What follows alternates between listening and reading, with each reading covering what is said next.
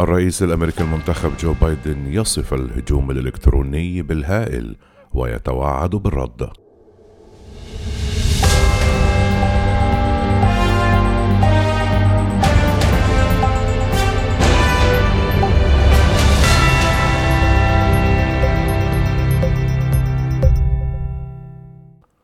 قال الرئيس الأمريكي المنتخب جو بايدن أن الاختراق الإلكتروني الذي شهدته الإدارة الأمريكية في الأيام الأخيرة هائل بالنسبة للأمن السبراني ويؤثر على الآلاف. وفي بيان له أضاف بايدن أن هناك الكثير الذي لا يعرفه حتى الآن بهذا الشأن لكن ما هو متوفر لديه من معلومات مصدر قلق كبير مشيرا إلى أنه طلب من فريقه أن يجمع المعلومات قدر مستطاع عن هذا الانتهاك.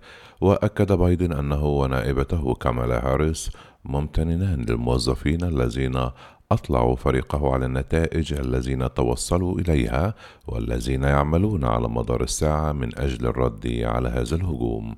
وأوضح أن إدارته ستجعل الأمن السبراني أولوية قصوى على كل مستوى من مستويات الحكومة كما ستجعل التعامل مع هذا الانتهاك أولوية قصوى بمجرد توليه منصبه.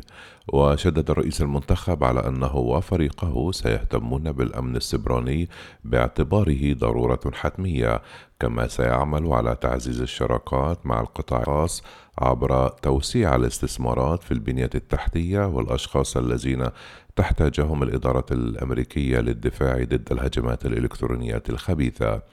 لكن بايدن أضاف أيضا أن الدفاع الجيد لا يكفي مشددا على ضرورة تعطيل وردع خصوم الولايات المتحدة عن شن هجمات إلكترونية كبيرة في المستقبل بفرض تكاليف باهظة على المسؤولين عن مثل هذه الهجمات الضارة بما في ذلك التنسيق مع حلفاء وشركاء الولايات المتحدة.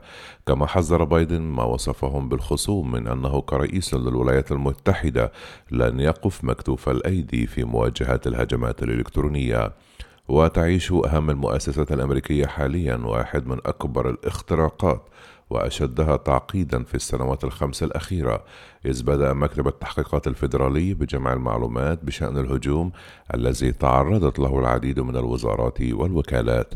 وأصدر المكتب ووكالة الأمن السبراني ومكتب الاستخبارات الوطنية بيانا مشتركا أكدوا فيه أن العمل مستمر لتقييم حجم الضرر الذي لحق بشبكات الحكومة الفيدرالية، بالإضافة إلى البيت الأبيض ووزارات الخارجية والتجارة والخزانة والأمن الداخلي لم تسلم إدارات ووكالات فيدرالية أخرى من الهجوم ويخشى خبير الأزمات الإلكترونية جايسون مالوني من أن يتأثر القطاع الصحي بهذا الاختراق في هذه الفترة الحرجة التي بدأت فيها الولايات المتحدة بتوزيع لقاح فيروس كورونا.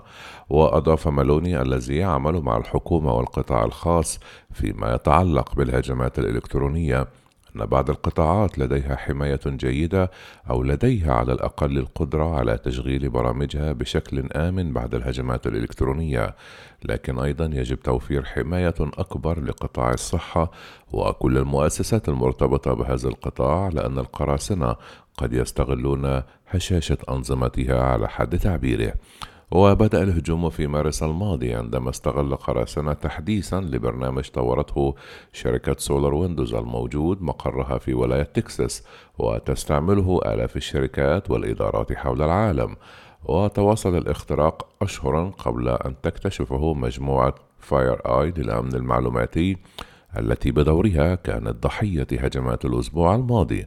ويقول الصحفي المتخصص في شؤون السياسات التكنولوجية علي بيرلند أنه لمن المقلق حصول هجوم مماثل في العديد من المؤسسات الأمريكية الهامة من دون أن يتنبه أحد لذلك ولأشهر عدة. ويضيف بيرلاند أنه من المهم أيضا الآن معرفة كم ونوعية المعلومات التي حصل عليها القراصنة خاصة تلك المتعلقة بدافع الضرائب الأمريكيين. ووجه عدد من أعضاء الكونغرس أثناء إفادة سرية أصابع الاتهام بشأن الاختراق إلى روسيا وقالوا أنهم علموا بالهجوم قبل فترة. ورغم أن روسيا نفت ضلوعها في هذا الهجوم فإن عددا من المسؤولين الأمريكيين مصرين على أنها المسؤولة عن هذا الاختراق الكبير. وقالوا إن مجموعة كوزي بير المرتبطة بأجهزة الاستخبارات الروسية هي من قادت الهجوم. وبحسب هؤلاء المسؤولين فقد ثبت ضلوع المجموعة في اختراق مشابه لأجهزة حكومية خلال إدارة الرئيس الأمريكي السابق باراك أوباما.